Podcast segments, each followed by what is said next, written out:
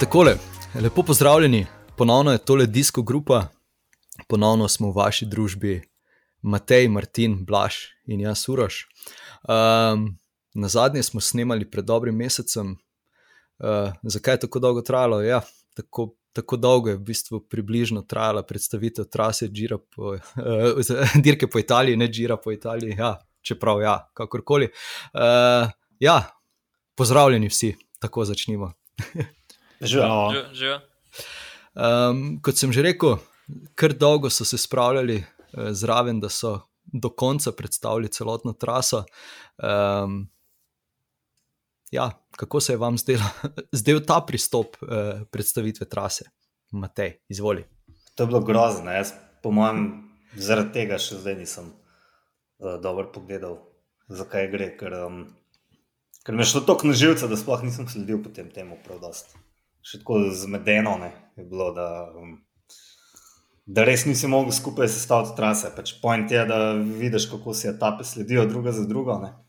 Um, če tega ne zveš, če zveš nekaj po kosih, skoraj boš, da pozabiš, počakaš, da bo vsega konc, pa takrat celo sestavljeno, ko pogledaš. Ne. Um, res ne razumem tega. No. Uh, jaz se zdaj v bistvu cel čas poskušam predstavljati tistega, ki je predstavil to idejo, pa je zagovarjal.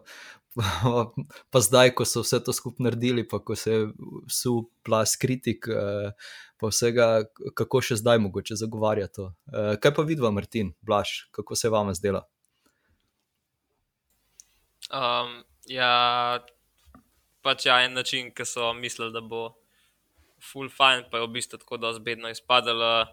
Sicer nekaj se je vedelo že prej, tudi preden je bilo uradno objavljeno, ampak um, ja, pač boljše to narediti vse naenkrat, kot pa neki podelčki, ki pol uh, noben ne ve, zakaj se gre, kot kar recimo Matej, ki še zmeraj ne ve čisto točno, zakaj se gre. ja, še dobro, da bo v bistvu danes vedel, če ne prej. Ne, tudi jaz se strinjam, da to najprej z uh, tem prvim delom v, na mačarskem in potem počasi, kot po podelčkih, uh, razkrivanje ni imelo nekega smisla, ker uh, so bili že gorski prelazi, oziroma pač um, gorski cilji so že bili znani in potem posamezne rute. Uh, ni bilo najbolj posrečeno, tudi sam sem v bistvu več pogledal uh, v tekstovni pač obliki kasneje, kot pa sam, sam, same predstavitve. In ja, to, tudi to kronološko zaporedje, ki ga imate omenjeno, um, me je malo motilo, da ni, nima glave in repa, ampak pravzaprav kar razmetano vse skupaj. In, ja, um, drugo leto upam, da bo nekoliko bolje. Um, ja, kako zelo uspešno uh, je to bilo, ali pa ni bilo, kakorkoli, smo se tudi mi odločili, da bomo izdali 16 podcastov na, uh, na temo trase, da se, se šalim. Uh, ampak ja, dejstvo je, da, da sem v bistvu slišal eno zelo, zelo, dobro, uh, zelo dobro opis, da v bistvu je to bilo kot en striptease, kjer si si pač prvo začel slačiti gate ko si imel še hlače oblečene. Zaradi tega, ker je bilo vse konfuzno, vse in tja. Tako na zadnje se da pa še nogavice dol. Ja. to pa na koncu še le. Um, ja, zdaj, če, če za, recimo, da začnemo uh, dejansko s predstavitvijo. Uh, prve tri etape se zgodijo uh, na mačarskem, uh, v drugi je kronometer, v prvi je zelo, zelo, kako bi rekel, uh, tisti zaključni klanec, uh, zelo podoben uh, prvi etapi uh, lanskega oziroma letošnjega tura, kakorkoli. Uh, delite enako mnenje, kaj, kaj bi rekli, Martin, izvoli. Ja, nekoliko neobičajno mogoče, da se ne začne s prologom, kajti ta druga etapa, oziroma kronometer, dolžini manj kot 10 km je pravzaprav idealen za, za prolog, ne odločil se ga, da ga bo dal uh, kot drugo etapo. Prva etapa pa je ja, na končno, končni uspon uh, na v bistvu grad. Bo, bo neka posebna scena, vsaj po, po slikah, ki sem jih videl, je kar prelep razgled in tudi bo v bistvu kar spektakel, če lahko temu rečemo, že takoj na prvi etapi se bodo nekoliko darili na koncu, sicer verjetno bolj neki pančeri oziroma uh, ne še tisti pretendenti za generalno razvrstitev, kajti vsekakor je pre, prekratek ta zadnji klanec.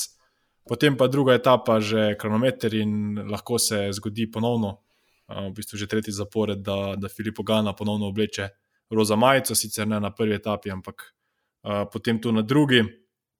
Uh, in ja, potem se še pa v bistvu v tretji etapi zaključi ta mačarski paket uh, z ravninsko etapo, po, tudi med drugim gre po jezeru Balaton, ob jezeru, ne po njem.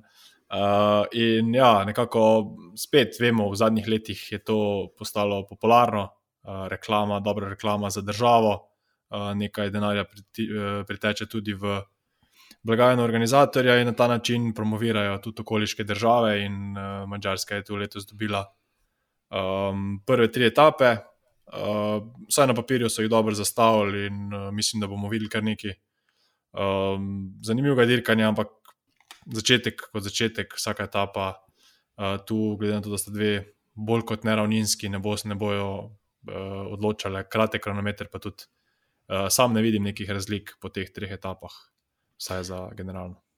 Ja, dejansko mislimo, da bi mogoče Filipo Gana šel na dirko po Italiji.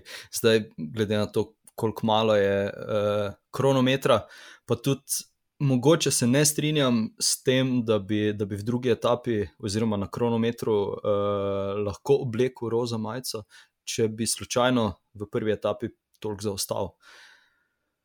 Tudi to opcijo, recimo, da puščamo. Uh, odprto. Kaj praviš, Martin? Tako je, tako je replika tebi. Ja, mislim, se pravi, to so vse špekulacije. Se pravi, prvo kot prvo se mora Filip Gana pojaviti na cilj, na štartu. To je prvi pogoj, da se lahko sploh pogovarjamo o možnostih.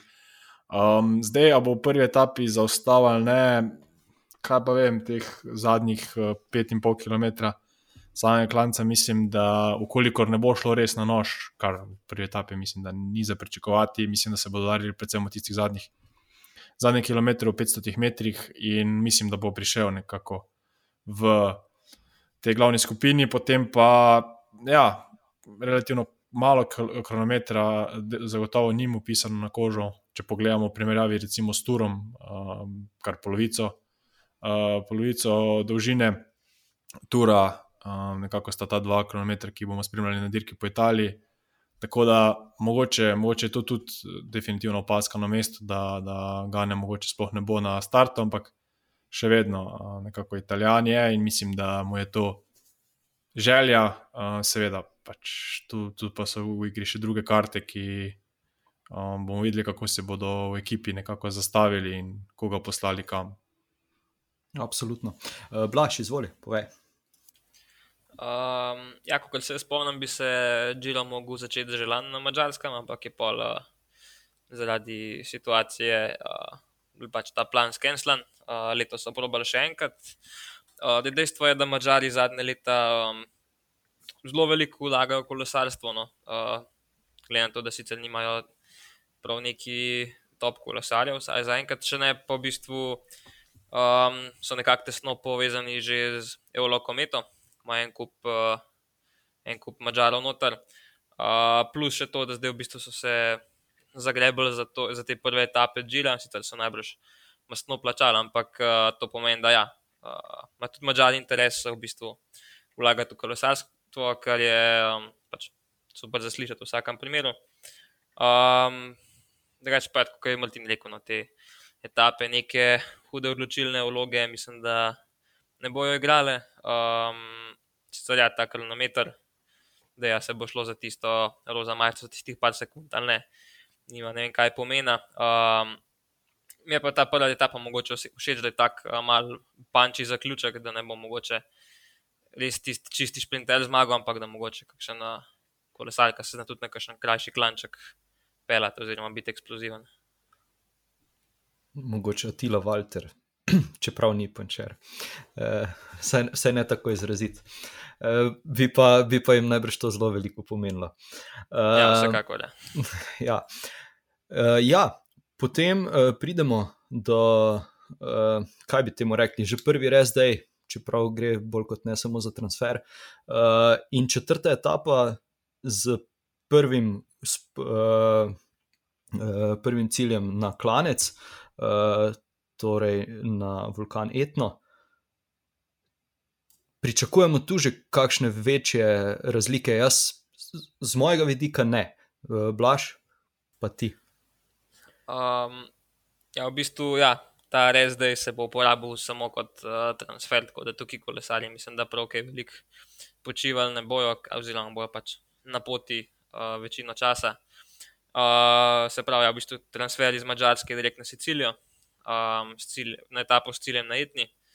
Etna je slovenskim nevijačom, mislim, da kar blizu. Tam je v bistvu uh, par let nazaj zmagal Jan Polance etapo. Uh, potem pa je tam zmagal še uh, Simon Yates, pa še en, ampak mi je imel šlo iz glave, da je bilo na zadnje še. Uh, ampak ja, v glavnem tak, um, pač vulkan, uh, res, oran klanc. Uh, tem, da tudi, kot se jaz spomnim, na zadnje je bilo zelo vetrovno, tako da je tudi to kar veliko vloge igral. Uh, ne glede na to, da so se pelali v klanc, se pravi, tudi veter je tukaj, um, se kar pozna. Da, um, ampak kot zanimivost, ja, v bistvu tukaj um, na etni je do zdaj v vseh edicijah, oziroma v zadnjih par desetletjih, uh, vedno prišel beg. Se pravi, nikoli ni bil, niso se udarjali kolesari za generalno, ampak zmeraj so zmagali kolesari iz bega. Tako. Mogoče bo letos ta trend malo obrnjen. Ali pa tudi ne. Uh, ja, Matej, povej. Uh, jaz mislim, da je ena specifika to, da bo to precej naporna etapa, ki bo sledila dnevu počitka. In vemo, da po dnevu počitka lahko marsikdo krizo. Um, zdaj ta floskula ne, in stara resnica, da na etni nihče ne bo zmagal, žira, lahko pa ga tam izgubi. Tako da tam, če bojo zavohali, da bodo ostali, da ima kakšen favorit težave, se bo zihar razpalilo, sicer pa tudi jaz ne pričakujem kakšne hude akcije. Ne. Martin, ja, izvoli.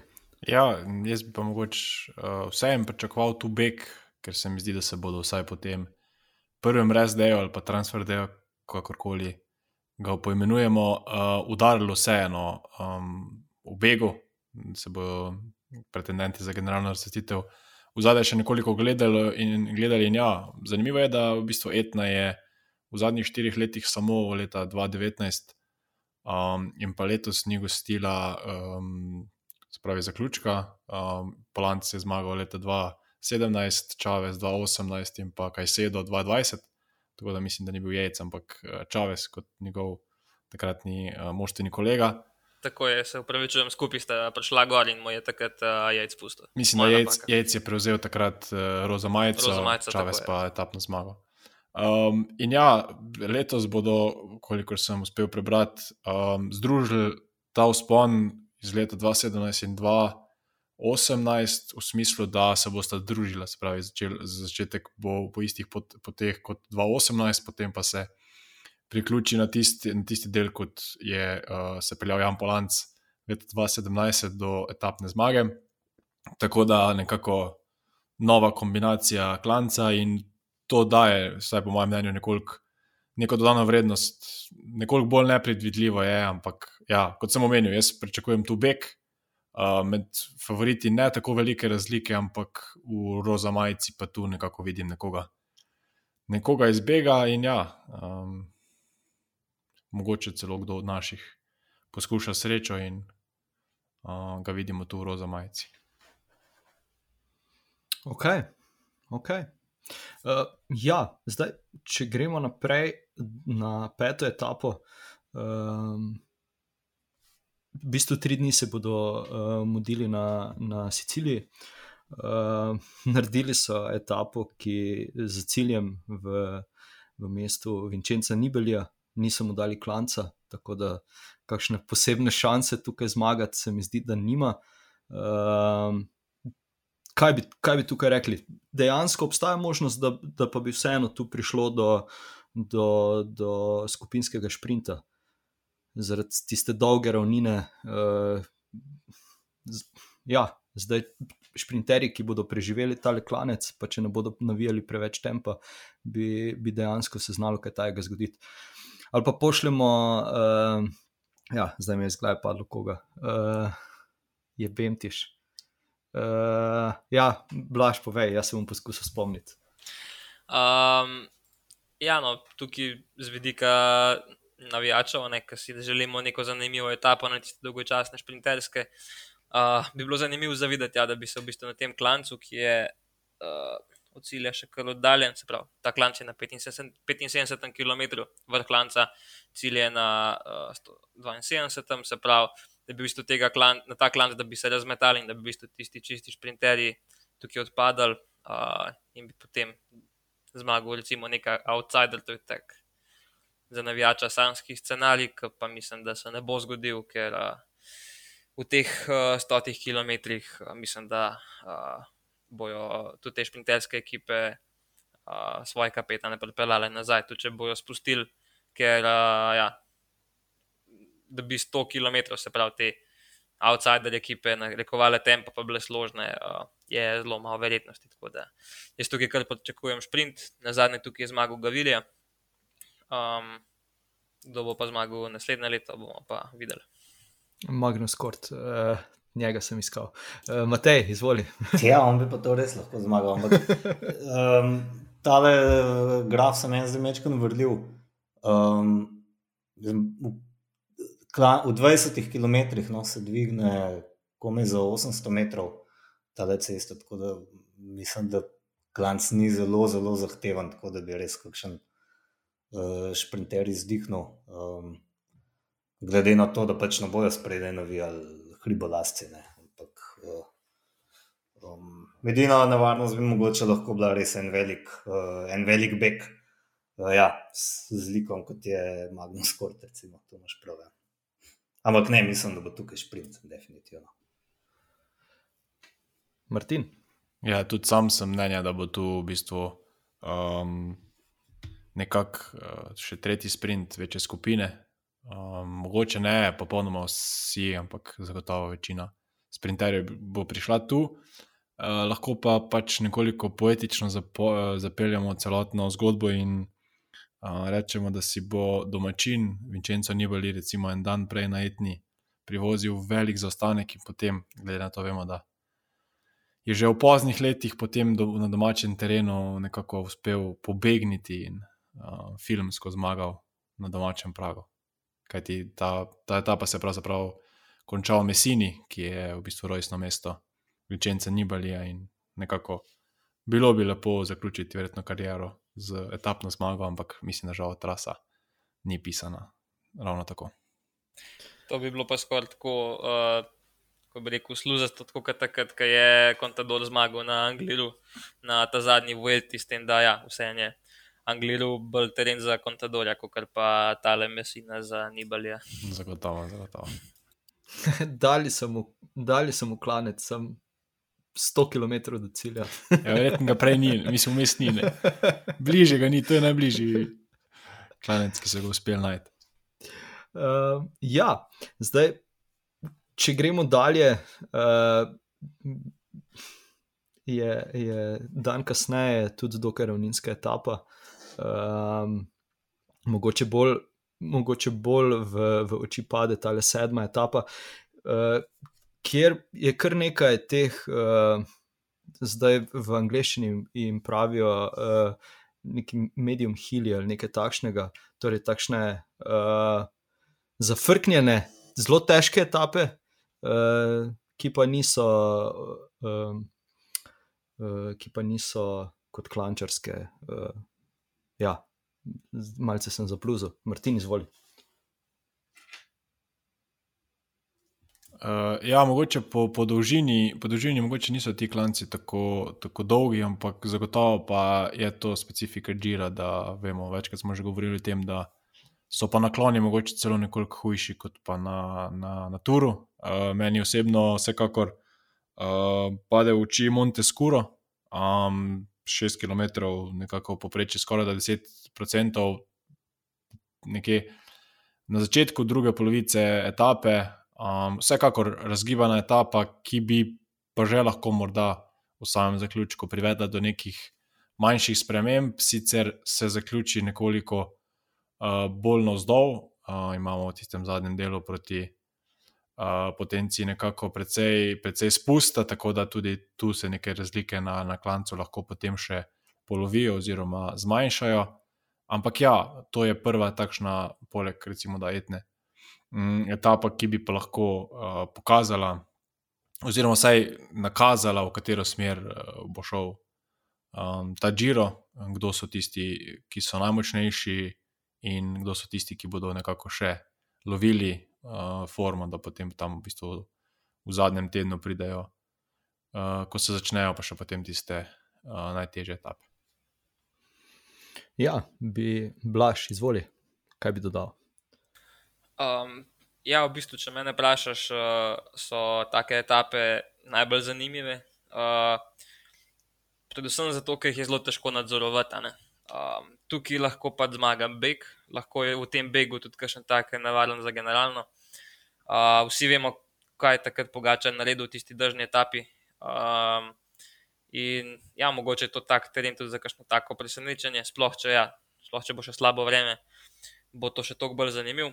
Um, so tukaj štirje kategorizirani vzponi, od tega je pa še kraj ne par nekategoriziranih, ampak ja, tam za četrto kategorijo, mislim, da bi kar mogli biti. Um, tako da, ja, no, jaz se te etape že zelo veselim, ker uh, mogoče veliko bolj kot kakšne gorske. Um, sploh zato, ja, z vidika nadzorovanja, kdo bo tukaj imel roza majico, uh, mislim, da ta ekipa se bo mogla kar namatrati, da jo bo obranila. Oziroma, tudi kaj šele, da bi kaj pridobila.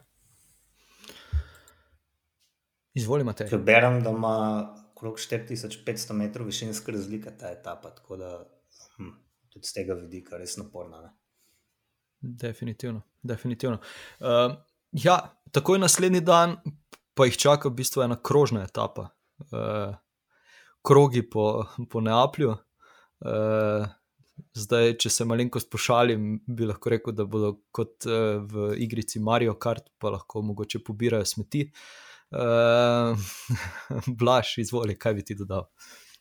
Um, ja, v bistvu tukaj v Napolju je bila že nekaj let nazaj, se ne spomnim kdaj, mislim, da 2013, uh, je bila prva etapa Džila in je bila v bistvu res kot kriterij. Uh, tukaj imajo sicer še eno tako, se pravi, vozijo pot ob obali in potem delajo kroge in se potem ob obali vrnejo nazaj v Napoli. Um, in uh, ja, ampak precej drugačen etapa, kot je bila takrat, uh, ker na tem krogu je tudi en tak krajši klanček. Um, ampak uh, mislim, da neke hude, pretresljive etape tukaj ne bo, no, da bo vse enkrat nadzorovano in da bo na koncu eden izmed sprinterjev zmagal, če me ne vprašaš. Ok, ok. Um, Martin, Matej, bi kaj dodala? Se strinjata, se ne strinjata? Jaz sem mogoče samo to, da se mi zdijo čudne te etape, ker to v bistvu podaljša potem vse transferje med etapami. Um, če pogledaš pač zemljevid, um, sledi pred to etapo en dolg transfer in potem po etapi spet dolg transfer, ko bi pa lahko, ne vem, uporabljali. 200 km, zato da se pač na kolesu, da, da, da prvih 200 km transferja upravlja na kolesu, ampak um, domnevam, da je župan Neapla tudi kaj denarja dal za to, da se to tam dogaja. In potem pač nikogar ne zanima, koliko časa zehajo na avtobusu, fanti. Najbolj je dal precej denarja, glede na to, da se etapa začne in konča v, v mestu. Da, ja. Mogoče celo ne župan. Ga je dal pa manj kot Viktor Orban. Zagotovo, on ima tri.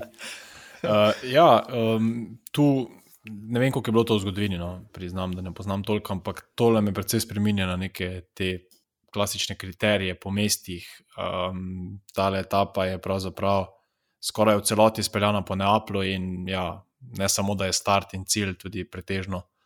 Um, veliko mesta se bo pokazalo in njegove okolice, tako da ja, to izključno samo zagotovo stališča marketinga od teh ta, ta transfer mogoče tudi v prihodnosti vidimo, kam bo šlo to, v katero smer, da bomo več tega spremljali.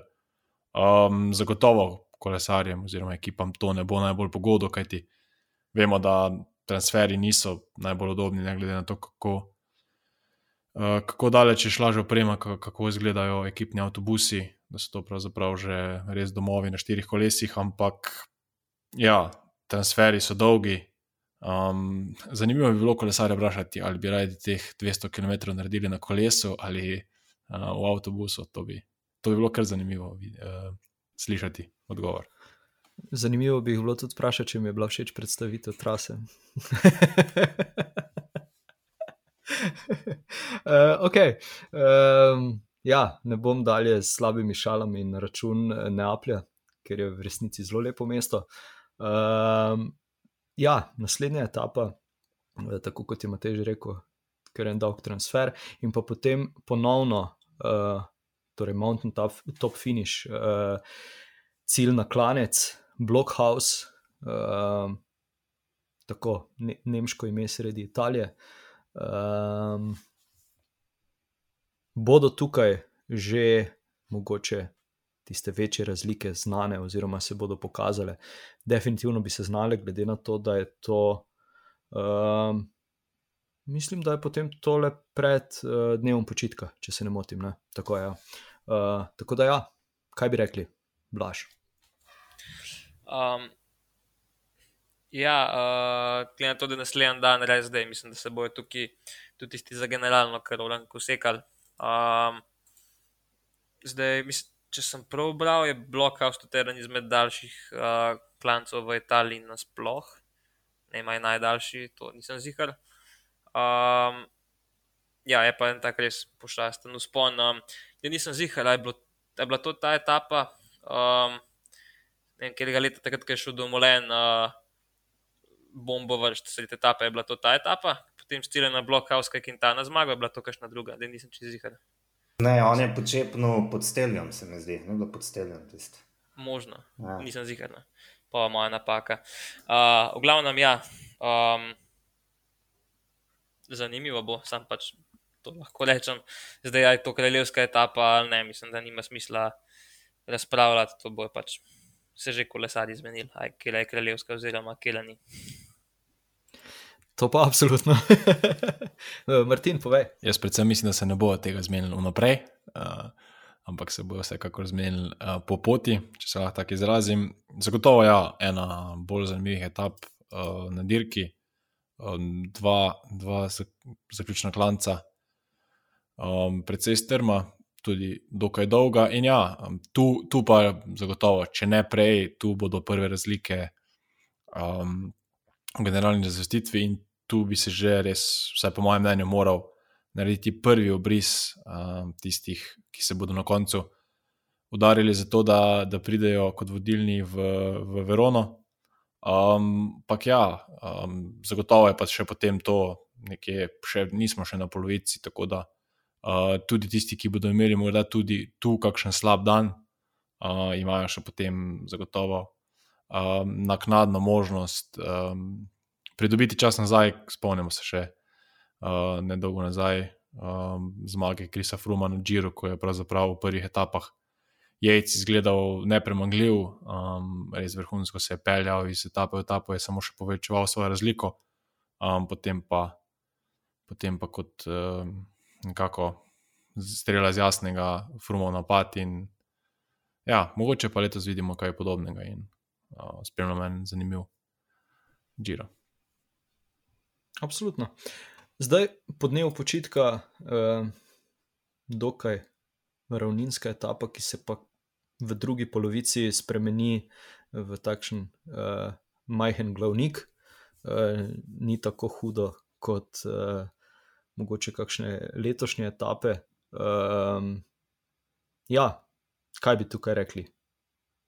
Beg ali sprint, izvoli, blaš. Um, Ja, v bistvu ta etapa je um, kopija etape na Tirenu, par let nazaj, um, ko je zmagal Filip. Um, takrat mislim, da je bilo to sicer iz Bega, oziroma odpeljal so se, mislim, da dva klančka do cilja. Uh, tako da, um, ja, težko v bistvu se reče. Tukaj je še ena taka etapa, ki se lahko zgodi mrskaj. Um, spet mogoče za pančarje, ki še napad oddelač. Um, ali pa tisti vzdržljivi sprinterji, ki na koncu v bistvu pridejo do cilja, um, pa da jim ostane največ metka v nogah. Zdaj um, me zanima, v kakšnem stanju je tale spust. Uh, se pravi, od zadnjega GPM-a, ki je na 185 km, se pravi tam cirka 10 km do cilja. Um, če je to neka zavita cesta, uh, tehnična, uh, pa se da tudi tukaj še marsikaj narediti. Um, v primeru pa, da je to samo v bistvu raven spust, je pa zelo velika možnost, da bo v bistvu grupa prišla do cilja, pol na koncu. Ok. Uh, in če ne uh, v tej etapi, pa potem v naslednji, ki pa je, kaj lahko rečemo, res bolj, bolj ravna od palačinke, skoraj da. Uh, nič ni vmes, tu sploh ne vem, če lahko pričakujemo kak beg, da se bo komu da, dalo tukaj bežati. Uh, Mislim, da kakšen, ja. kakšen iz prokontinentalne ekipe se bo zihar najdel. Skoraj da zagotovo za čas na televiziji je to pomembno, to je njihova naloga, zato so tam in vsekakor bomo videli klasično, verjetno tri kolesarje, predstavnike vsake od ene ekip. Um, to je najdaljša dirka, letošnja, mislim, druga etapa, uh, pri, etapa prihodnje um, dirke Džira in to je pravzaprav edina omembe vredna opaska za to, za to etapo. Uh, vsekakor lahko tu iščemo veter, lahko iščemo marsikaj, kar bi to etapo naredilo bolj zanimivo, ampak ja, uh, vse, kar se bo zgodilo, vse po mojem mnenju, se bo zgodilo predvsem v, predvsem v, v zadnjih kilometrih in pa ja, potem sam sprint. Um, še en dan sprinterjev, kako pač. Um, mogoče ja. še ena zanimivost, ker sem gledal tudi tam um, mapo te etape. In uh, potem, kar jaz tukaj vidim, do Bolonije praktično nimajo nobenega ovinka, cesta je ravna, ravna, razen par krožnih, um, tega že pa cesta popolnoma naravnost, se pravi severo-zahodno proti Boloniji, okoli Modena in potem do cilja v Reggio Emili. Um, mislim, da bo to tudi taka, za kolesarje tako dolgočasna etapa, ker vsaj v Vinki bi lahko popestrili to etapo. Tukaj pa še tega ne bo. Ne. Verjetno. Toh, če bo imel, če bo imel veter urit, ja. če bo imel veter urit, uh, bo uh, dosti bedno. Uh, če bo pa pihal kamorkoli drugam, bo pa veliko bolj zanimivo. Ja. Ja, v bistvu naj, naj, najbolj uvinkast bo, ko bodo pelali čez kakšen krožen, verjetno. Ja. Ja, tako je. Uh, ja, definitivno bo veliko bolj zanimiva 12. etapa, um, ki je ponovno, uh, vsaj ko gledamo profil, kar en tak uh, gemišč vsega. Uh, bodo pa tukaj prvič uh, po letu 2011, ko se je smrtno ponesrečil uh, Walter Weiland, uh, prečkali uh, paso del Boko. Uh, verjamem, da se mu bodo tokrat še toliko bolj uh, poklonili kot uh, v vseh ostalih uh, edicijah dirke po Italiji. Uh, ja, uh, v bistvu takoj od štarta iz Parme uh, se bodo počasi uh, spenjali, uh, skoraj 100 km uh, bo trajalo tole spenjanje, potem spust. Um, in pa potem, ja, še ne par klančkov, uh, uh, in, pa, in pa tudi uh, spust proti cilju v Genovo. Uh, definitivno tudi zanimiva etapa, izvoli plaš. Uh, ja, meni so take etape v bistvu zanimive z tega vidika, ka, um, se pravi, če govorimo o tem zadnjem klancu, se pravi na uh, Monte Bečo. Um, v bistvu je klanc, pole pa gorka taka planota, In na tej plan, mislim, planoti pač ravnina pred spustom, in tukaj se v bistvu lahko zgodi mrzke. Ne? Če tukaj so neke razlike, uh, oziroma pač, da so kolesarji razbiti teh manjših skupinah, tukaj je pa zelo zanimivo videti, kdo ima interes sodelovati, oziroma kdo nima, kdo glumi, um, kdo pač da vse od sebe, da bi ujel tisto grupco pred sabo. In uh, ja, tukaj v bistvu. Mislim, da se bo kaj takega zgodilo, in uh, ja, v tem primeru uh, se bo videl, ja, kdo bo taktiziral, pa se hotel malo pošpadati. Pa, um, ja. Upamo, da se bo kaj skregal spet, da bo zanimiv. Da bo kar pa zgledal veštevec, izvoli Martin. Ne, jaz tu vidim bolj uh, idealen teren za neko drugo kreganje, se pravi, spet Remka z svojimi znanimi gestami, češ, zakaj mi spet nočete pomagati. Uh, ja, se strinjam, zagotovo takšen teren je idealen, um, da ko se naredijo nekoliko večje razlike, uh, je potem potrebno to nekako zakrpati, tu so, tu so razno razni interesi, bodi si ekipni kolegi, bodi si uh, neke druge želje oziroma cilji, in veliko krat pride potem do izbruha uh, jeze, in tu vstopamo v drugo polovico um, celotne dirke po Italiji, tako da te razlike pa so že lahko potem proti koncu nekako bolj ključne, čeprav uh, gre potem še za spust in nekoliko nekaj malega ravnine. Tako da je še čas tudi po tej, po tej planoti oziroma tej ravnini na vrhu, da se, da se ujame kogarkoli, je usp, ki je uspel nekako pridobiti nekaj sekund. Dejstvo. Ja, jaz zdaj berem, da, da je spust kar zapleten. Tako da mogoče tukaj. Um, Morski pes iz mesine. Za, za ja, morskega psa, da bo pač v, v Dženovi. Ker ima meni grede zelo lepa kvari. Mogoče morski pes na polno prespustil. Kako priročno. Vrhunsko, vrhunsko. Um, ja, 13. etapa se prične v San Remu uh, in gre do Kuneja, Kuneo. Ne vem, če sem pravilno izgovoril, mogoče sem zdaj ubil ime, uh, nima veze. Uh, tudi ta etapa je uh, kar po profilu zanimiva. Uh, v prvih 50, 50 km, uh, ok, ajde, prvih 20 km, dokaj ravnina, kasneje pa prvo en manjši hupser, potem pa kar uh, skoraj da, ja, 10 km vzpon. Um, po mojem, da tudi to bi bila dobra, uh, dobra odskočna deska za kakšnega Magnus Korta. Uh, Beg, ja, blaš, izvoli. Ne, jaz mislim, da bo tukaj vse en grupa prišla. Um, mislim, da bo letos, mislim, letos naslednje leto na Džiru, um, ker močna šprinterska zasedba, um, sploh zato, ker imajo zelo, zelo veliko priložnosti tukaj um, šprinterji, tako da mislim, da se bojo kar v velikem številu udeležili tudi tisti najboljši. In um, ja, če prideš šprinterji, pomeni, da pride tudi močna ekipa za tega šprinterja in uh, da se bodo kar trgali, da bodo pripeljali svojega kapetana, oziroma pač sprinterja v ti zadnji kilometr med prvimi. Tako da jaz tukaj uh, ne pričakujem uh, nekih presenečenj. Tako da, to je okay. to z moje strani. Ok, ok, ok. Um, Matej, Martin. Ja, sprint bo se, mislim, da skoraj ni debate. Ja, to je kort, kort je dejansko edini, ki lahko uh, spremeni naše mnenje glede, glede izida. Tudi te etape, ja, Blaž je omenil, pač, da sprinterji bo imeli tu na voljo nekih sedem etap uh, za sprint, in zagotovo je to dobro vabilo, da se dirke udeležijo. In ta etapa bo ena od tistih, na katerih si bodo želeli biti zraven ob zaključku.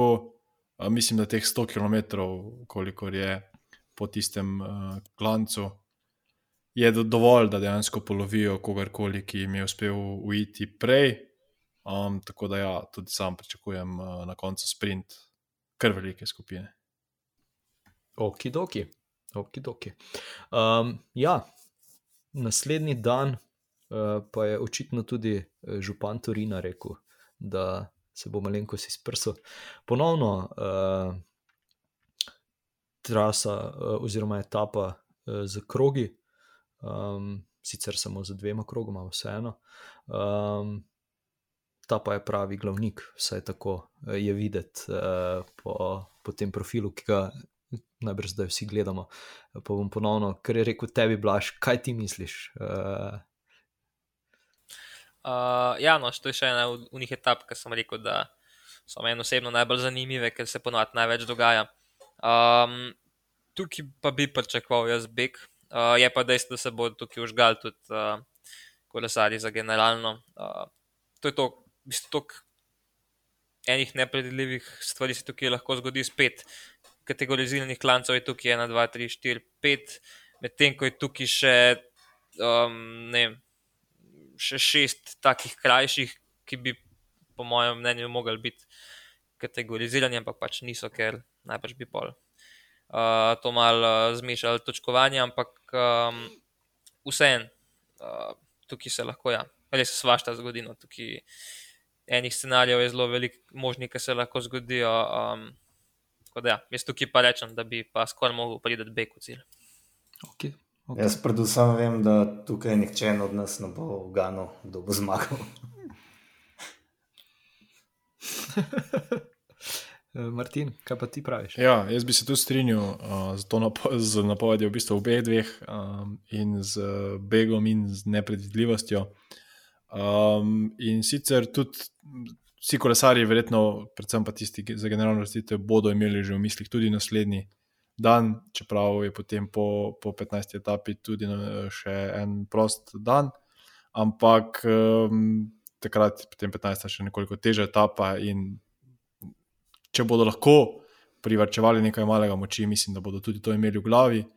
Vsekakor pa bo, kot je že uh, Blaž rekel, mislim, da ta etapa v stilu, takšnih, kot smo jih videli letos, kar nekaj na, na vseh dirkah. Uh, in sicer dirkanje, pravzaprav full gas od, od starta. Um, tukaj bi rad videl nek beg, ki bi imel više ambicije, se pravi, da bi bil v begu tudi kdo od potencijalnih uh, nevar, nevarnih kandidatov za generalno razvrstitev, in da bi potem res spremljali samo dogajanje že od samega začetka, ne da se tu beg, ne vem, dobi kakšnih deset minut prednosti, pa potem gledamo dve ločeni dirki. Tako da, ja, eh, tu bi si želel dejansko uh, dirkanje na vso moč od samega starta, ampak ja, dirka je, dirka je celotna je dolga in mislim, da je ta etapa lahko ena od tistih žrtev taktiziranja, ko na papirju etapa zgleda zelo zanimiva, potem pa v realnosti spremljamo precej dolgočasen dan. Ja, upamo, da ne. Upamo, da ne. um, ok, zdaj 15. etapa, uh, si jo že malenkost napovedal, Martin.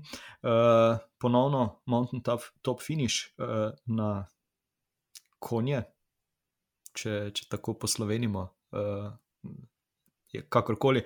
Uh, Trije uh, kategorizirani uh, usponi, dva prve kategorije in pa ta zadnji, druge kategorije. Um, tukaj, pa bi, tukaj pa bi znal biti kakšen uh, ognjemet, uh, tudi med samimi uh, sponi, ni dosti ravnine.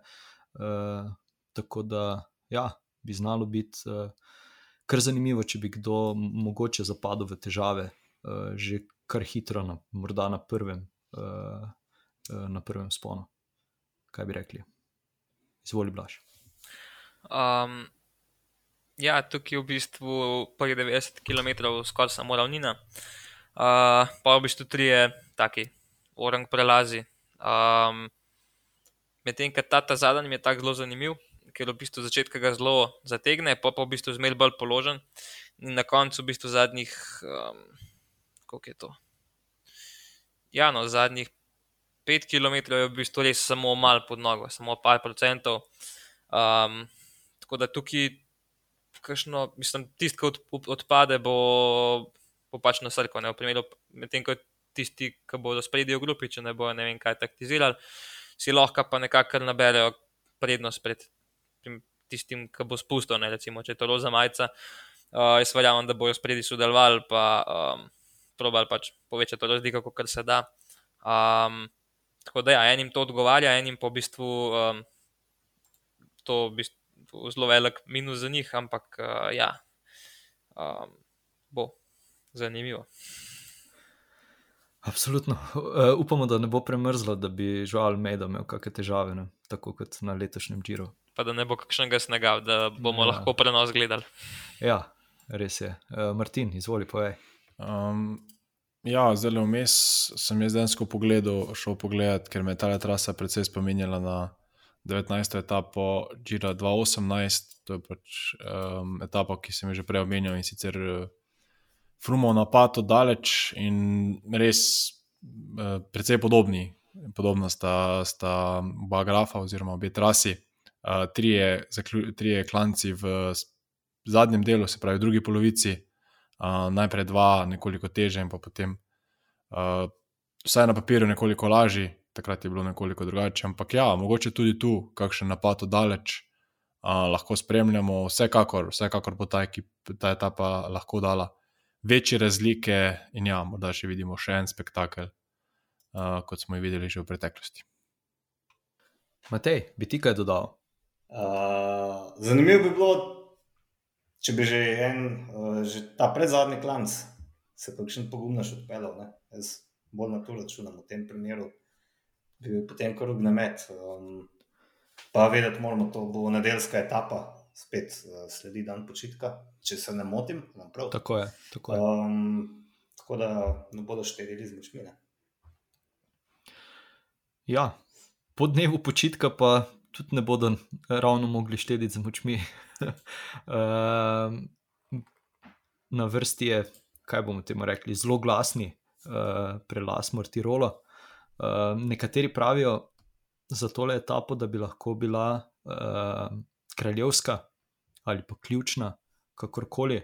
Um, sam osebno nisem tega mnenja, menim, da še do tiste etape pridemo kasneje. Uh, Eh, pa me mogoče samo zanima, kaj bi, kaj bi bilo vaše mnenje, Martin, izvoli.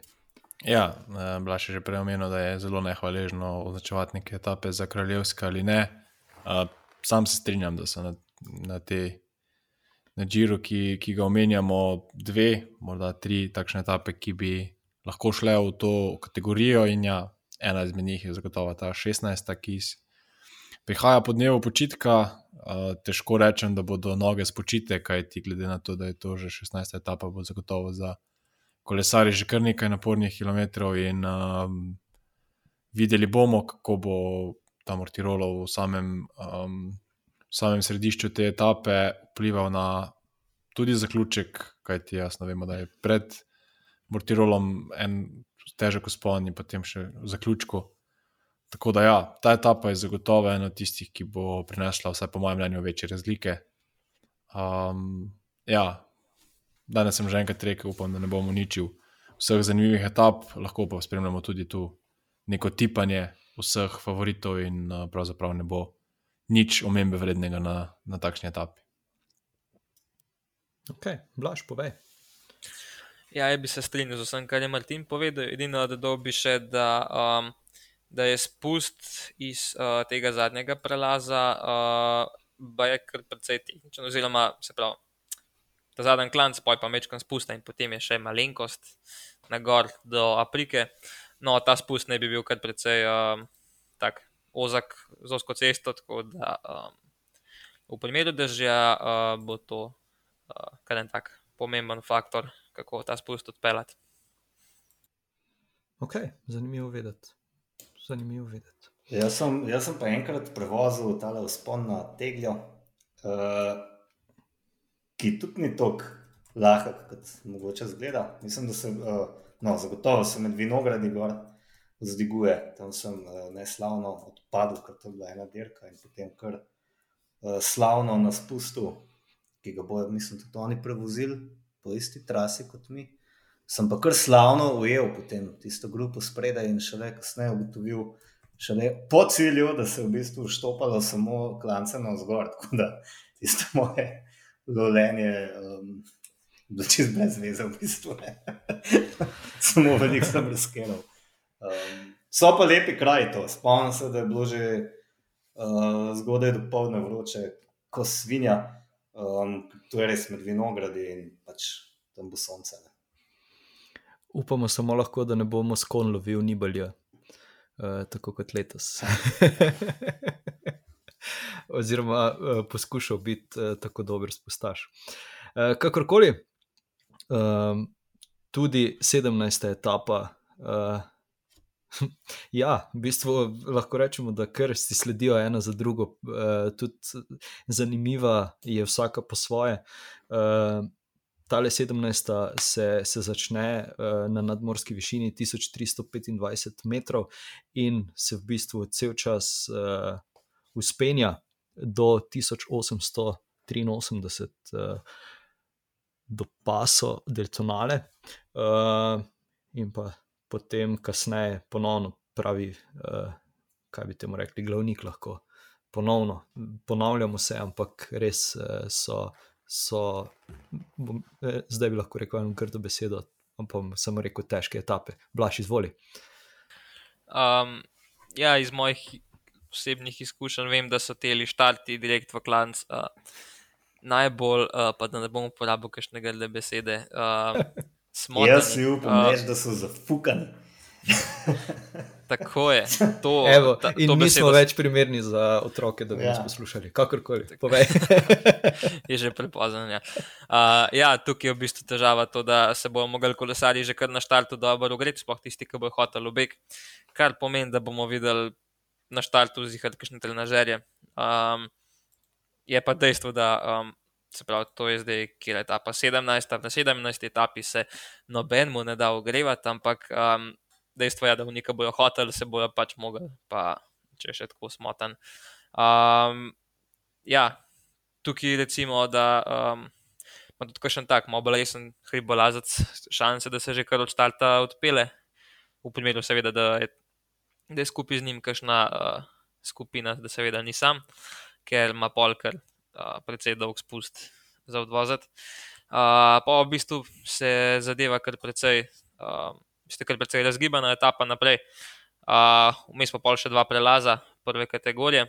Um, tako da, ja, spet klanc in potem taka, mislim, planota, malo gore dole uh, in potem cilj v Lavaroneju.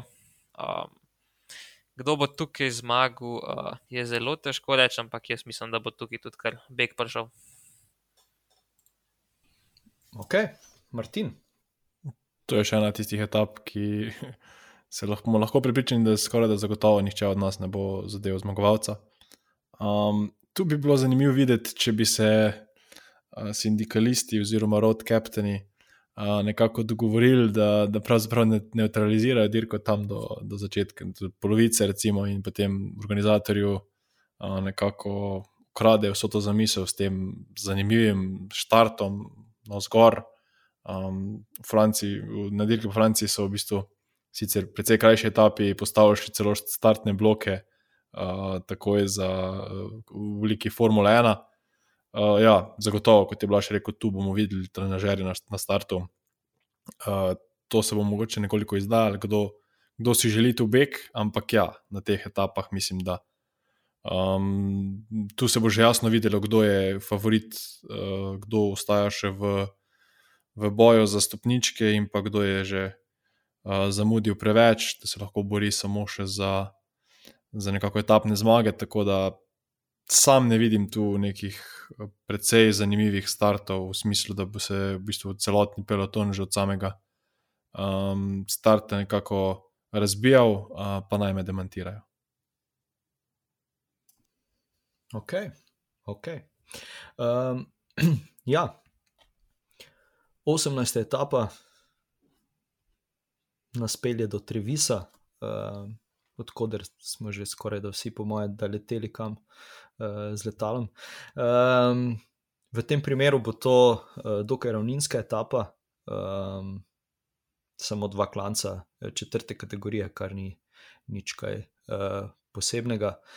Um, tako da, ja, tukaj definitivno pričakujemo, da se bodo udarili šprinterji, blaš, ti pa povej, izvoli. Uh, ja, ta etapa je meni osebno kar precej blizu in sicer zato, ker je štart v kraju Bolgo Vrsugana, kjer uh, poteka največja dirka v Italiji, oziroma mislim, da je ena izmed večjih v Evropi za mlajše mladince, uh, sicer Kopadoro. Uh, dolga je 100 km, na štartu pa je um, tam ponavadi dobrih 300 kolesarjev, uh, kar je um, za neko mladinsko dirko tumačim, tam se res orang kolejo, ampak ja, samo kot zanimivost. Uh, poznam pa tudi tale, uh, ta drugi klanec četrte kategorije, Muro Kadel Pođo, kjer pa poteka tudi za, za starejše mladince, uh, dirka uh, Soligeto. Um, to je v bistvu tako zelo kratek uspon, ampak um, ga pa zategne orang, tukaj se ponad tam dirka odloča, tukaj na tej etapi pa mislim, da neke hude vloge ne bo igrala. Um, ja, in na koncu, v bistvu od tega, kaj del pođa naprej, uh, je praktično samo ravnina. Tako da mislim, da tukaj kaj drugega, kot uh, šprinterski zaključek, uh, bo težko. Matej.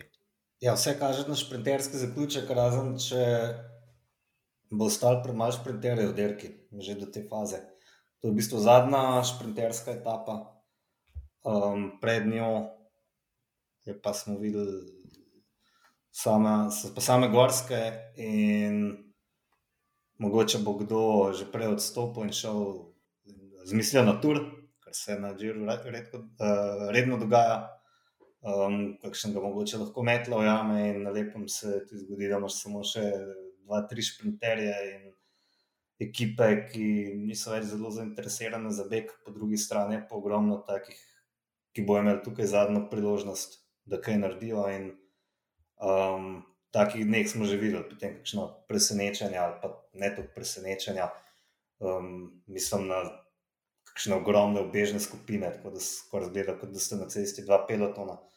Um, da, ja, tudi jaz mislim, da bo verjetno sprint na koncu. Ne bi bil pa popolnoma presenečen, če zmaga nek outsider. Ne. Ok, outsider ali pa, ali pa mogoče kak Matej Mohorič eh, s svojim eh, kronometrom do cilja, ne, od tega spona dalje. Moja ni dosti težka etapa. Ali pa Magnus Kort. Takrat, ko ne vemo, kdo bi zmagal, je Magnus. Ja, ja je to. Ne, to je še nun, hecam, veš, ker um, tale od Intermaršeja, tako vendar hor. Tako vendar hor. Uja, uja. Ja. Optimalen za tako je. zadevo. Z, z napol aerobalanco.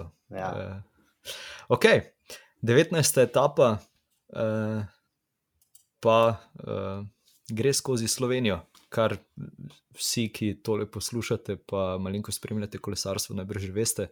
Um, tudi ta etapa uh, bo, po moje, znala, vsaj z tem sponom uh, na, na kolovrat uh, v Sloveniji, kar mogoče uh, presenetiti kakšnega, kakšnega pretendenta za generalno razvrstitev, na vse zadnje, kar uh, strm spon uh, in ne tako kratek. Ja, ne, blaš, izvoli.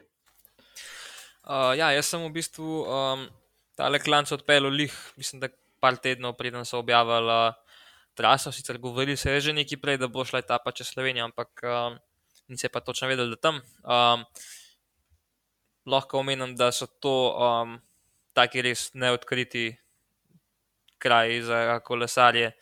Uh, tam smo se mi vozili, mislim, da je na 40 km ob meji, praktično od izbrt, potem gor, severno. Nismo srečali enega avta v ja, 40-50 km, tako da uh, priporočam. Uh, vsekakor, uh, kar se pa ja, uh, kolorata tiče, pa ta glaven uspon dneva. Um, in uh, ja, jaz pričakujem, da bo tam spet drume slovenskih navijačev, kot so bile že letos v Brdih. Um, Kakšno etapo bi pa kle na koncu pričakoval? Um, ja, ne vem, kaj rečemo, spet beg. um, ja, res, težko se reče. Sicer tale spust mi je tako mal sumljiv, iz kolorata, precej dolg in uh, ne vem, kakšno je stanje sicer ceste, pa koliko je široka, ampak tukaj mislim, da se lahko še mrske polovi. tako da Tukaj pa bi rekel, da mogoče se pa bojo na koncu etapno zmago usekali, se pravi, favoriti za, za generalni seštevek. Ja, tukaj bo marsikdo, po mojem, že malo v paniki, ker se res bliža že konc Džira in bo marsikdo poskušal rešiti svojo kožo, ne, če bo hotel zmagati. Um, tako da zna biti kar uh, na kolovratu, rampom pomne. Ja, uh, bom, bom uh, podal še mogoče to, to opcijo, kaj pa da se v tej etapi mogoče uh, ne zgodi nič za generalno razvrstitev, ker bi se morda uh, šparali za 20. etapo, ki pa je na papirju.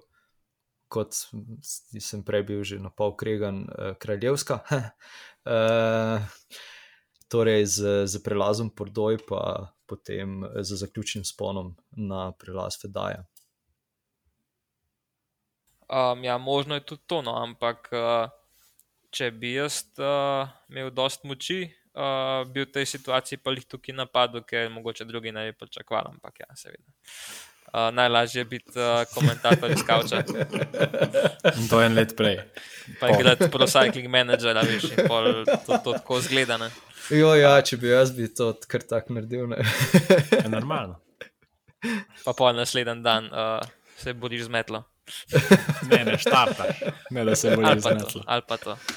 Uh, ja, zdaj uh, sicer sem malenkost preskočil, ampak ja, 20. etapa je potem uh, ta lečima kopi, najvišja točka uh, na naslednjem Giro d'Italia, uh, torej prelaz Pordoj z 2239 metri. Um, zdaj, slišal ali prebral sem uh, en dober komentar, pa mogoče uh, kdo od vas uh, tole podkrepi ali pa, ali pa morda kako drugače razloži, raztolmači. Torej, da bi mogoče bilo bolje, če bi, bil, uh, če bi bila prelaza Fedaja in pa Pordoj zamenjana, uh, zaradi tega, ker je mogoče obstaja možnost, da si pa kdo ne bi upal napast na predzadnjem sponu, zaradi tega, ker je pač potem tisti zadnji vzpon na marmolado. Uh, zna biti uh, kar, kar, kar zahteven in bi mogoče bilo v kontrasmer boljše. Uh, ja, Pa da Ma, vidimo. Dobro, to zdaj vsi neki pametujejo. Ne? Pač neko traso predstaviš, potem je pa nekdo pameten, pa misli, da bi boljš naredil. Ne, vem, no. Pač, ne se zdi to kar smešno, neki špekulirati zdaj tukaj. ker To Na je tako, koncu pa kot- lahko odloča dež ali pa nekaj čist tretjega, ne pa trasa. Mislim, na koncu pač kolesari tam delka. okay. Tako kot Slovenci pizdimo že nekaj let, zakaj ni vršiča. Ne? Ja, V Sloveniji, recimo, ne, recimo. pa je, kljub temu, da ni vršiča, ali pa ran zaradi tega mogoče, dirka še bolj zanimiva. Ne. Um, tako da ne vem. Ja. Je pa, je pa Vem, ne zanimivo. poznam niti klancev tako dobro, da bi vedel, kaj bi se zgodilo, če bi bila zadeva obratna. Ne. Ja. Ok, ok, vse. Uh, tudi jaz ne poznam klanca, tudi jaz pojma nimam, ampak zanimivo se mi je zdelo. Uh, Zanim, zan- zanimiva se mi je zdela ta teza, pa sem rekel, da jo tudi tukaj mogoče predstavim. pa da Ker vidimo, sem je. zatrl ta tvoj poskus. Pa ne, se ne, o eh, ne pogo, pogovarjamo se, pogovarjamo se. Ja, ja. Je, je še dejal in potočil sozico. Ja, tukaj mi že teče iz leve, levega očesa. Uh, nima veze. Uh, torej, ja, ta 20. etapa uh, bo pa. Jaz upam, da uh, ne bo, ampak bi znala dokončno razkriti uh, tistega, ki bo, ki bo zmagal dirko po Italiji. Ali zna zadnji kronometer uh, s tem uh, klancem točno na polovici, ali ne, ni točno na polovici, skoraj da na polovici, uh, presekati, če bi bile male razlike.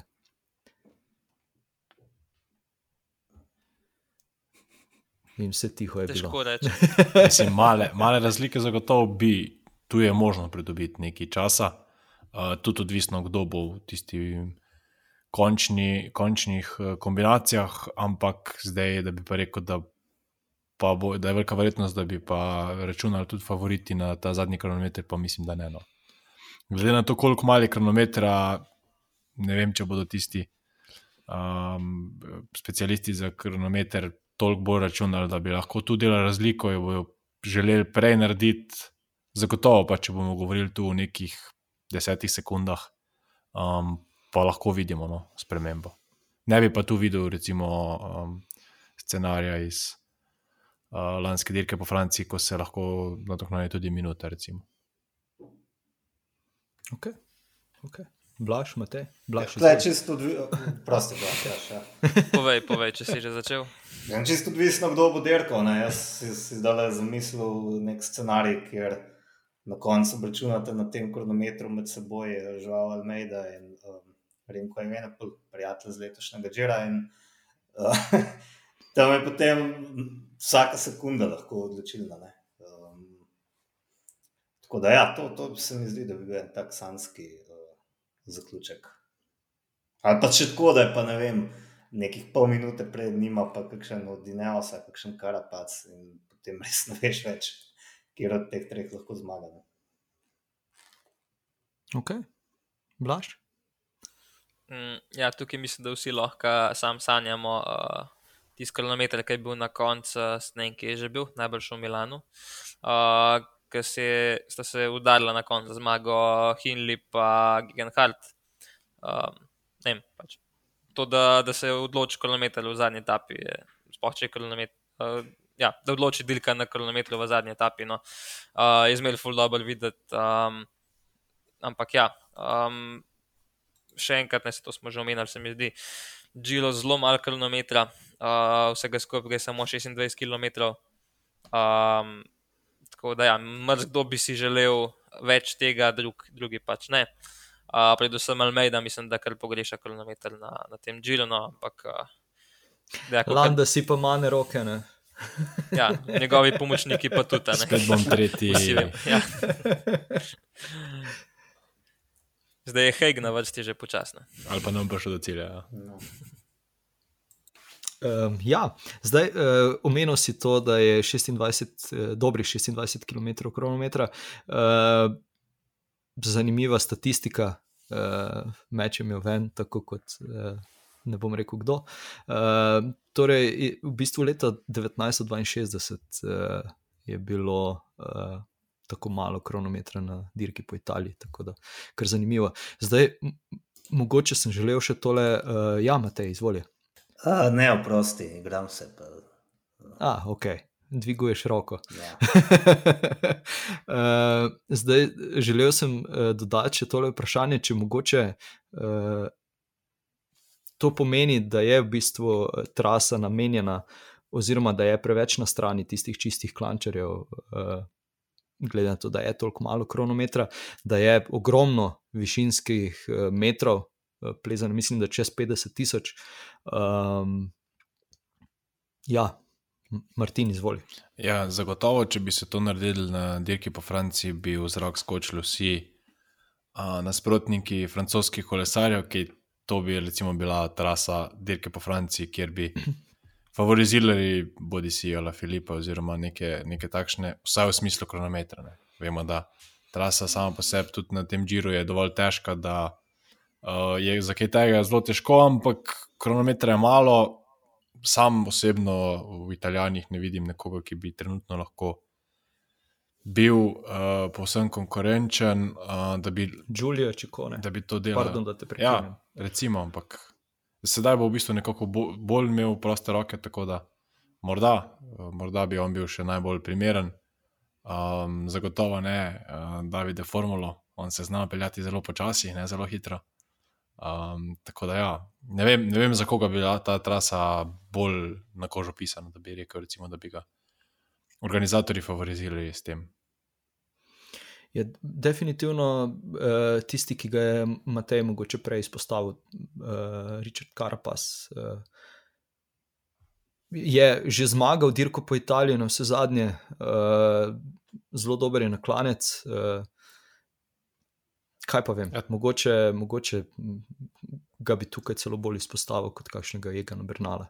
Kaj pa vem, mogoče uh, streljam v prazno. Blaž, kaj pa ti meniš? Um, ja, pač trendi se obračajo. Zdaj, uh, mislim, da okay, tistih brutalno dolgih kilometrov ni več, so bolj popularni tisti krajši. Um, to kratkih, mislim, to malo kilometrov, pa že dolgo časa nismo videli, zdaj pa um, pač bomo videli, kaj bo. Lahko pa da bomo gledali mogoče najbolj tesen Grand Tour v zadnjih ne vem koliko letih in se bo to prijel, ker. Uh, na koncu je v bistvu organizatorju važno samo to, da je zanimivo, uh, ostalo je pol sekundarnega pomena. Um, in ja, če bo to izpadalo dobro, mogoče se bo prijel, um, da je na račun uh, naših kolesarjev to mogoče ni lih najboljši, ampak uh, mislim, da taka huda uvira pa spet ne bo, da ne bi še en Grand Tour zmagal ali dva. Ne, se tvoje besede pozlatijo. Mene je v bistvu žal, no, če smo že pri teh kratkih kronometrih, da ni več dolgih, praktično. Ne. To se mi zdi škoda. Mislim, da sem to enkrat že pometoval. Um, Malo zapre vse skupaj. Um, ampak tako pač je. Kolesari se bodo prilagodili, ne. tisti najboljši. Roglič ali pa Pogačar, mislim, da ste tudi precej prilagodljiva ne, z tega vidika. Um, in pač še vedno, može biti, se mi zdi, dosti popoln kolesar no, z, tega, z tega vidika. To pa absolutno. Zdaj, uh, ja, kar sem že prej v bistvu uh, navezal, pa bom zdaj kar direktno vprašal, preden gremo na trive vprašanja. Torej, uh, zdaj, dobre pol leta uh, pred štartom, za koga uh, bi rekli, da bo zmagal dirko po Italiji. Pa da slišimo. Evo, pa bom šel kar po vrsti, blaš, izvoli. Um, ja, jaz bom rekel isto, kar lani, jaz bom navil za Almeido, seveda, zdaj pač, če, če bo sploh šel na Džilo. Uh, tega še ne vemo, ampak ja, on je. Um, ne vem, pač všeč mi je, uh, zdaj enim se je zameril, takrat, ko ni vem, kaj ta počakal, kar koli, ampak. Um, meni je tako zanimiv kolesar. Um, in ne glede na to, da je tukaj precej malo kilometra, uh, jaz mislim, da je lahko zraven, zato je pač vsak let boljši. Tudi letos bi bil precej visok na Džilu, če ne bi imel tiste slabe četrte etape, se mi zdi, uh, ker je kar velik, pa če ne bi rekel, da čakam, mislim, da tam je top 3, bi bil zihar. Um, pa ja, njegov način vožnje mi je všeč, borban je um, tudi na tistih ne tako pomembnih etapah, v bistvu sprinta, pa kdaj odštipne kakšno sekundo, sicer je to zdaj pametno ali ne, je drugo, ampak ja, jaz bom v glavnem za njega navil. Ok, kul. Cool. Martin. Mm, ja, kaj pa vem, mislim, favoritov.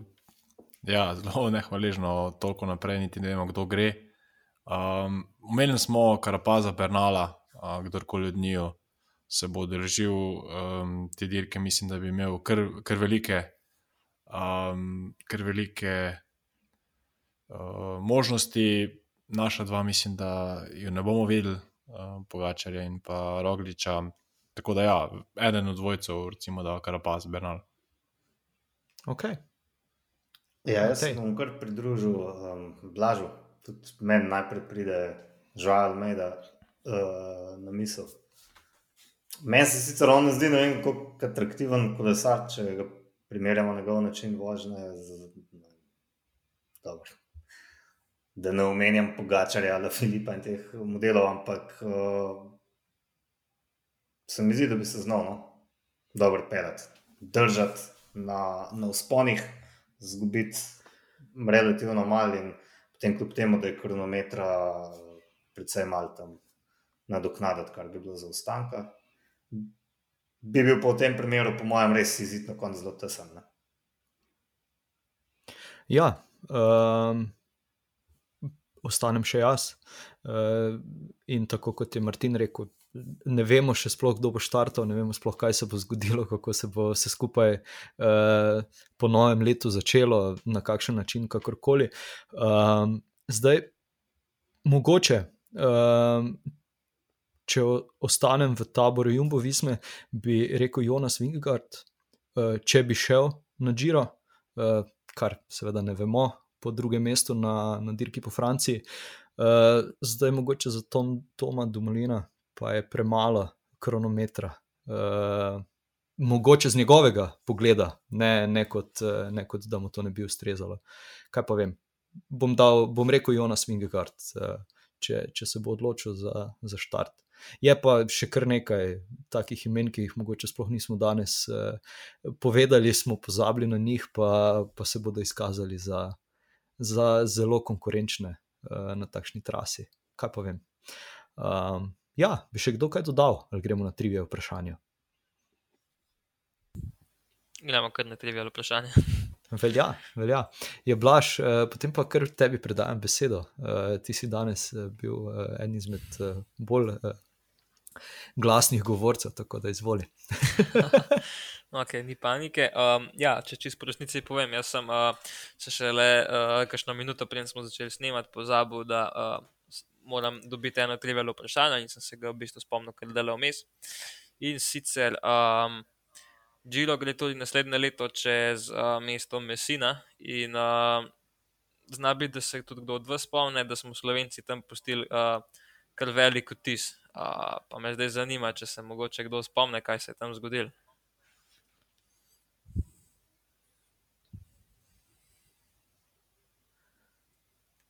nekaj časa je bilo kar precej. tiho. Nekaj časa je bilo kar precej upevan v medijih. Uh, mislim, da se boste vsi takoj spomnili, ko omenjam. Uh, in uh, ja, sicer uh, se tukaj nismo. Nismo tukaj Slovenci bili tisti dan znani po tem, da smo karkoli zmagali, ampak o tem, da je uh, Luka Pibrnik tukaj dvignil roke zmagoslavno v zrak uh, en krok uh, pred ciljem. Uh, to je bil sicer en dan po etni, kjer je zmagal Jan Polanci. In, uh, takrat, ko sem slišal, da uh, mu postaja ni delala in da niti ni vedel, da ima še en krok do cilja. In je, uh, ja, najbrž tisti, tisti euforiji pozabil uh, slišati zvonc in, uh, ja, nažalost, dvignil roke en dan pred ciljem. Bilo bi pa res noro, da bi v bistvu tukaj Slovenci dva dni zapored etapo zmagali, ampak uh, nažalost ni bilo tako, je pa na koncu, mislim, da ga Vilja zmagal. Zakon. E, sem se takoj spomnil na, na ta posnetek. Ja. ok, uh, Martin, izvoli. Uh, jaz sem se tudi tokrat malo poigral s statistiko in sicer sem pogledal najuspešnejše tekmovalce na Giro v zadnjih 50 letih. Um, pa me zanima, kdo od kolesarjev je bil najbolj uspešen v zadnjih desetih letih, če upoštevamo kriterij, da štejejo vrstitve med top 10. Se pravi, kdo je največkrat bil med deset najboljših na Giro v zadnjih 50 letih. In pa kolikrat od oka. V zadnjih 50 letih. Drži. 50. Uh, hm. Ne vem, kaj še pantani, to zdaj pač pogibam, ker drugega mi ne preostane.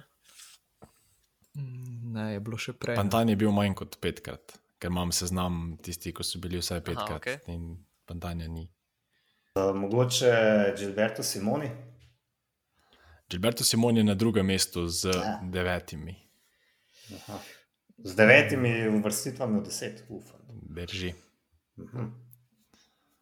Štir, Um. um, tri, trije so imeli devet vrstitev. Hmm. Gian Battista Baroncelli. Kdaj Je že kdo od vas slišal, kdaj je za njega? Nikoli. Potem nisem bil edini, ampak ja, Gian Battista Baroncelli se je rodil leta 1953. V profesionalni karieri, ki je trajala med leti 74 in 89, je skupno dosegel 94 znak. Kar je naj, največja zanimivost, ki sem jo uspel najti, je v bistvu, da je v mlajših selekcijah leta 73 osvojil tako Tour de l'Avenir kot pa Baby Giro v istem letu, a, kar je nek eh, unikaten dosežek. E, ima pa tudi dvakrat dobljeno Lombardijo v letih 77 in pa 86, bil je dvakrat drugi in enkrat tretji na, v skupnem v Giro, pet etap na Giro, ena etapa na Vuelti, ter pa srebrna medalja na svetovnem prvenstvu leta 1980, tako da kar uspešna, um, kar uspešna karijera je bila za njim. Zdaj pa mogoče še nekoliko skrajšamo to, ta interval, pa rečemo samo zadnjih deset let, koga bi izpostavil v zadnjih desetih letih, da je bil največkrat med deseterico. Sicilijanc, ni bali. Ja, dva, dva, dva sta uspela biti uh, petkrat v zadnjih desetih letih, in to eden od njiju je Vincenzo Nibali, drugi pa Contador. ne, še, še en italijan, Ne, ne smatrate, kar pove. Dome, Domenico Pozzovivo. Ah, Nikoli ne bi rekel. Ona ne sta bila petkrat, Rafael Majkač štirikrat, uh, Uran tudi štirikrat. Tako da to so bili najbolj uspešni tekmovalci v zadnjih desetih letih. Top. Se, to je tudi, da se hvališ, bil sem največkrat v deset. eh, Statistika zmagal pa pač ne, no, ne. to dobro. Verjamem, da se noben od njih ne hvali. No. Uh, Ja. v svojem CV-ju napisano. Okay. Um, ja, jaz imam tudi vprašanje vezano na dirko po Italiji. Kdo bi si mislil? Uh, torej, kdo pa je bil uh, v celotni zgodovini prvi Britanec, ki jo je zmagal?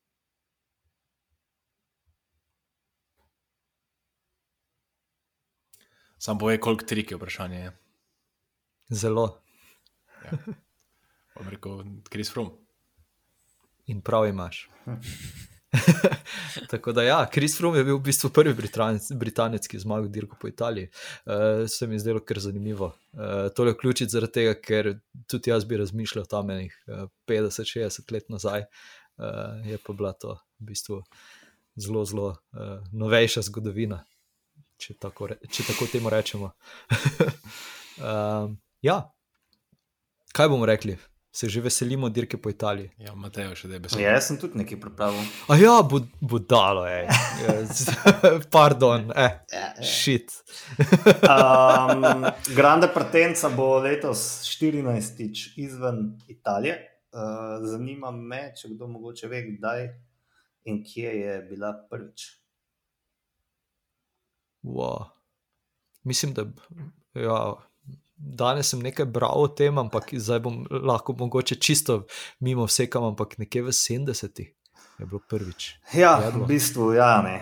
Ker leta 65 je bilo prvič, ja, ampak je bil, je bil štart v San Marino in potem so šli takoj v Italijo in to ni nek big deal. Ne. Potem ja. so že naslednje leto naredili podobno, tokrat je bil Monte Carlo. Kar je spet tako, ne, ker so, mislim, da je 15 km do meje, tako so šli v Italijo in tudi to. Da prvič bi rekel, da je bilo resno leta 1973 v Belgiji, kraju Verdije, kjer je bil najprej um, prolog. Potem so pa v naslednjih dneh v bistvu potovali po celi Evropi, tako da so obiskali še Nizozemsko, Nemčijo, Luksemburg, Francijo, predtem so, mislim, da nekje pri Dženovi uh, prišli nazaj v Italijo.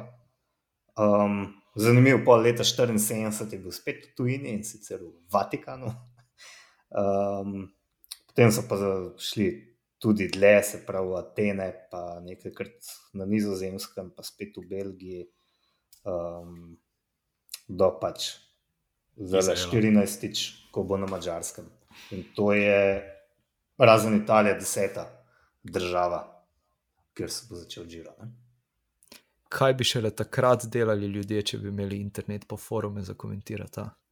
Vsi bi pametovali, ja. kako, kako štart v drugih državah. Se še nikoli ni zgodilo. Jaz se spomnim, da, da, da dolgo nazaj, ko je enkrat Džiro obiskal Slovenijo, ne vem, ker ga leta. Je uh, nekdo v pismih bralcev, predvsej srborito, pisal o tem, da je to način, kako um, Italijani spet zauzemajo naše ozemlje in nam s tem kažejo, da je v bistvu Italija sega tja do Ljubljana, ker so nekoč že bili. Ne. Uh, v bistvu mi plačujemo za to. In, in zdaj meni da prihajajo drugič uh, s svojimi vojaškimi zdravniki. oh, bog. Okay. Kar je fun fact. No. Ampak, ja. Pred Facebookom.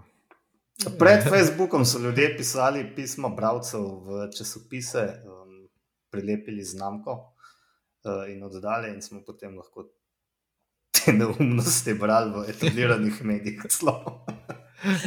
to so bili časi, v katerih jaz nisem živel. ja, Mi, boomerji, to poznamo. Ja. Točno to je. Ja. Mi nad 30. Um, ja, jaz mislim, da smo uh, super sklenili uh, tole epizodo s, uh, s tem fun faktom. Um, kdaj se naslednjič slišimo? Najbrž, ko predstavijo eh, traso Velte, ali pa če se vmes zgodi še kaj bolj zanimivega kot to, da Peter Sagan napade policaja. Kako točno se je že to zgodilo? ja, meni se zdi, da je to najbolj zabavna novica zadnjih mesecev. Še kaj boljega. No. Ja, Remko ima svojo pico.